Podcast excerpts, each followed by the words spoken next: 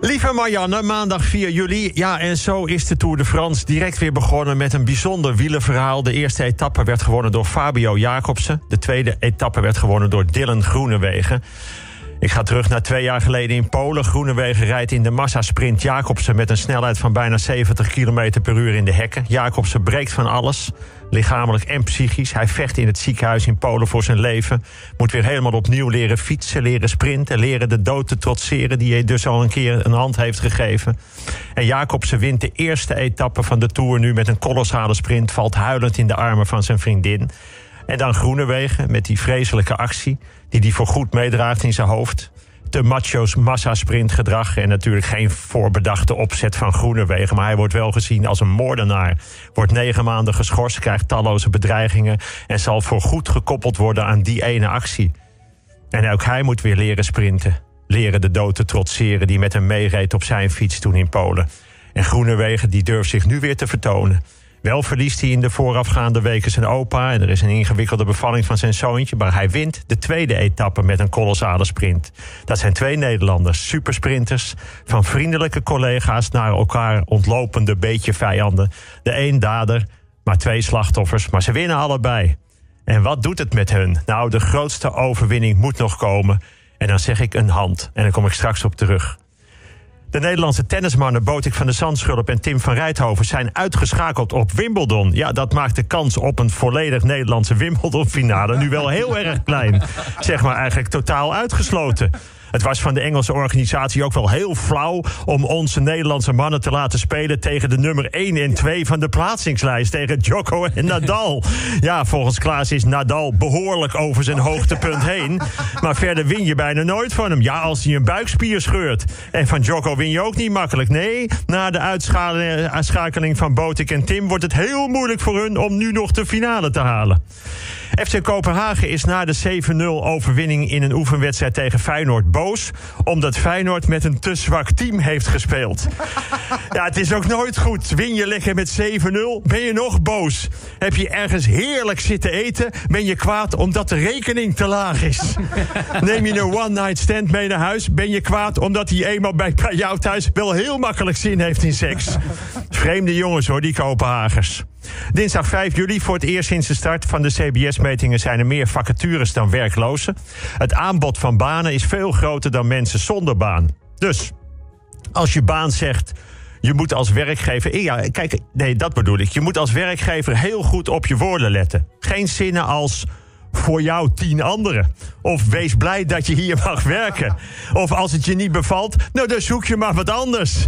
Dat wordt niet gezien als dreigement, maar als een vrolijke aanmoediging om inderdaad weer eens wat anders te gaan doen. De boeren hebben een aantal distributiecentra van supermarkten geblokkeerd. Daarom bleven veel schappen leeg door aanvoerproblemen. Vooral de schappen met versproducten. Om komende maanden niet weer mis te grijpen, zijn veel mensen begonnen met hamsteren van koeien en kippen. Woensdag 6 juli, ja, het is precies een jaar geleden. Een kogel in het geweten van Nederland. Peter R. de Vries, de R van Raak. Hij wordt gemist.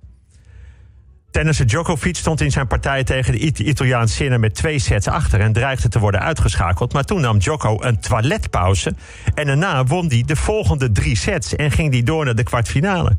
Joko zegt dat hij op de wc eerst flink de drukte vanaf heeft gehaald. En daarna zich goed heeft toegesproken. Echt van, wat sta je nou scheiterig te spelen? Je poept in je broek van die Italiaan. Wat een laffe drol ben jij. Het is echt een shitzooi. Veeg de baan aan met hem. Draai hem helemaal gek. Niks geen pisboogjes. Laat gewoon je ballen zien en dan doordrukken. Perst er maar een beslissende set uit. Niet dat gedribbel, gewoon weer lange remsporen. Gooi alles op een hoop. Trek die partij erdoor. En daarna ging de deur van de wc open. En toen zei hij wat de meeste mensen zeggen als ze van de wc komen, namelijk. Zo. en daar ging hij. Alle spanning weg. Gewoon lekker tennissen. Scheid aan alles. Drie sets achter elkaar gewonnen. Kwartfinale. Vandaag is ook het EK voetbal voor vrouwen begonnen. Oranje start als titelverdediger. Er zijn wel wat landen waar ze extra rekening mee moeten houden. Namelijk Engeland, Frankrijk, Zweden, Spanje, Duitsland, Noorwegen, Portugal, Italië. En je moet altijd uitkijken voor België, Finland, Zwitserland en IJsland. Maar de rest hoeft normaal gesproken geen probleem te zijn. Donderdag 7 juli. Boris Johnson is nog steeds premier van Engeland. afgelopen twee dagen hebben meer dan 50 regeringsleden gezegd op te stappen. omdat ze geen vertrouwen meer hebben. Omdat ze Johnson verloren zijn. Boris heeft daarna nog wel even gebeld met Mark Rutte, wat hij moest doen. Maar Mark zei: Boris, jongen, wat er ook gebeurt, altijd blijven zitten. Nog een klein dingetje over de Tour de France. Jumbo-Visma-kopman Primoz Roglic kwam ten val, arm uit de kom. Maar die zette die, die zelf, ondanks de pijn, gewoon weer in. En hij reed door. Dat is toch ongelooflijk? Nou ja, ongelooflijk. Ik herken dat. Ik ben ook een beetje een fietser. En daar horen valpartijen bij. En, ja, en, en, en pijn. Ja, pijn. Dat kan ik goed hebben. Er zijn mensen bij mij thuis die het ontkennen. Maar ik heb een enorm hoge pijngrens. Ja, thuis zeggen ze dat dat wel meevalt, Peter. Dat een bevalling onoverkomelijk zou zijn voor mij. Dat zeggen ze dan. Zeggen ze dan, probeer jij maar eens een flinke meloen uit te poepen. Nou en, beetje puffen en dan ligt hij in het potje. Spiegel onder je reet, zelf hechten de boel. Bellen dat je iets later op de fietstraining bent. Twee biertjes om bij te komen en dan ga ik weer.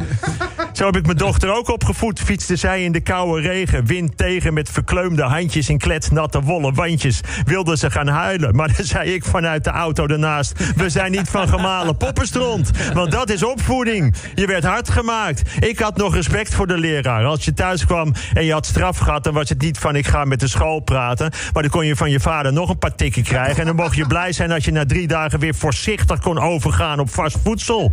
En er waren er niet allerlei sites met overal hijgende vrouwen... met blote tieten en geschoren gecorrigeerde poesjes. Nee, wij hadden alleen maar een testbeeld met een harde piep... en dan moest je zelf een verhaal bij bedenken.